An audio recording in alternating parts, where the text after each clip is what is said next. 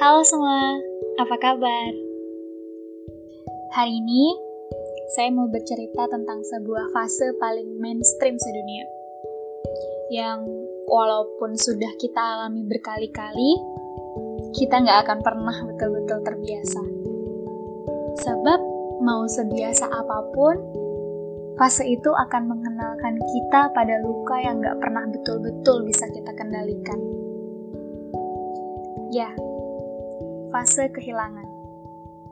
Saya masih ingat pengalaman pertama yang saya dapatkan dari fase ini adalah ketika salah satu anggota keluarga yang begitu saya sayangi secara tiba-tiba pergi meninggalkan dunia ini.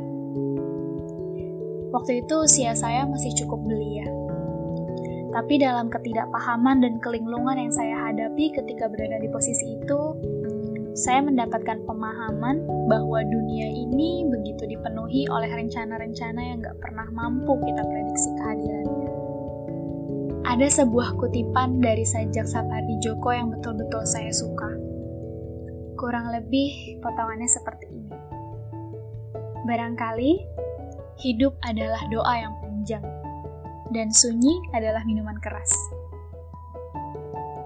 Awalnya, Ketika pertama kali mendengar kutipan itu dari sebuah pembacaan puisi yang dilakukan oleh seseorang, saya hanya terpukau pada bagaimana orang itu membacakan sajak tersebut.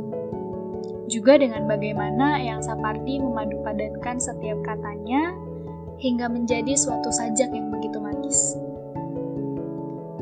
Tapi belakangan, saya mendapatkan sedikit pemahaman dari makna sajak tersebut, setidaknya untuk diri saya sendiri. Barangkali hidup adalah doa yang panjang, perjalanan yang panjang, ketidakpastian yang meresahkan. Ada kalanya saya merasa perjalanan dan doa-doa yang panjang ini membuat saya bertanya-tanya, mengapa harus begini dan mengapa harus begitu. Seakan semua yang panjang ini membiaskan semua yang jelas dan membuat saya tersesat dalam keraguan. Sama halnya seperti ketika sedang berada di kereta yang sedang berjalan. Sambil memperhatikan objek di balik kaca pintu kereta, pada saat itu kita melihat bahwa semua objek yang sebetulnya kita tahu itu apa, jadi kelihatan tidak jelas. Pepohonan, rumah warga, Monas, jalanan yang macet, orang-orang yang jualan di pasar, pengamen di lampu merah, dan pedagang asongan.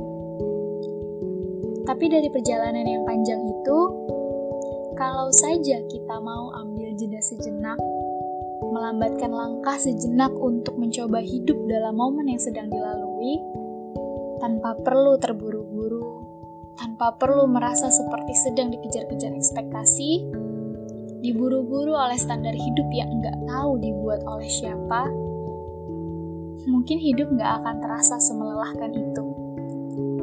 Supaya yang bias bisa kelihatan lebih jelas. Supaya yang tadinya samar bisa menjadi pendar yang mengantarkan kita pada pemahaman yang kita cari. Butuh waktu yang lama untuk membantu saya tiba di titik pemahaman ini.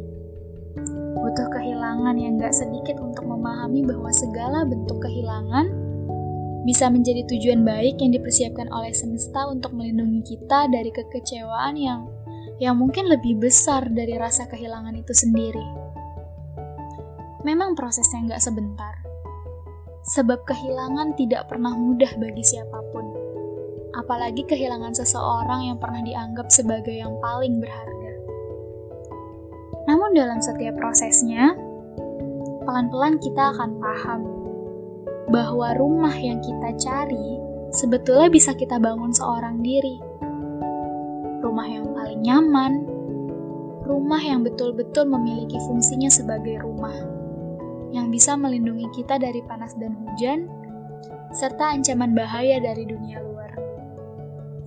Pertemuan, perpisahan, pengkhianatan, segala proses yang sebenarnya nggak betul-betul bisa kita kontrol itu adalah proses yang membuat kita sadar bahwa kadang ada beberapa hal yang memang cuma perlu dijalani tanpa perlu dipertanyakan maknanya tanpa perlu diragukan alasan keberadaan.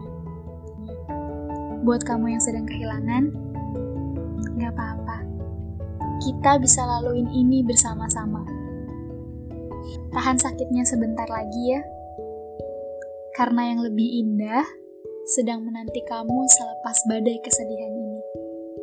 Semangat!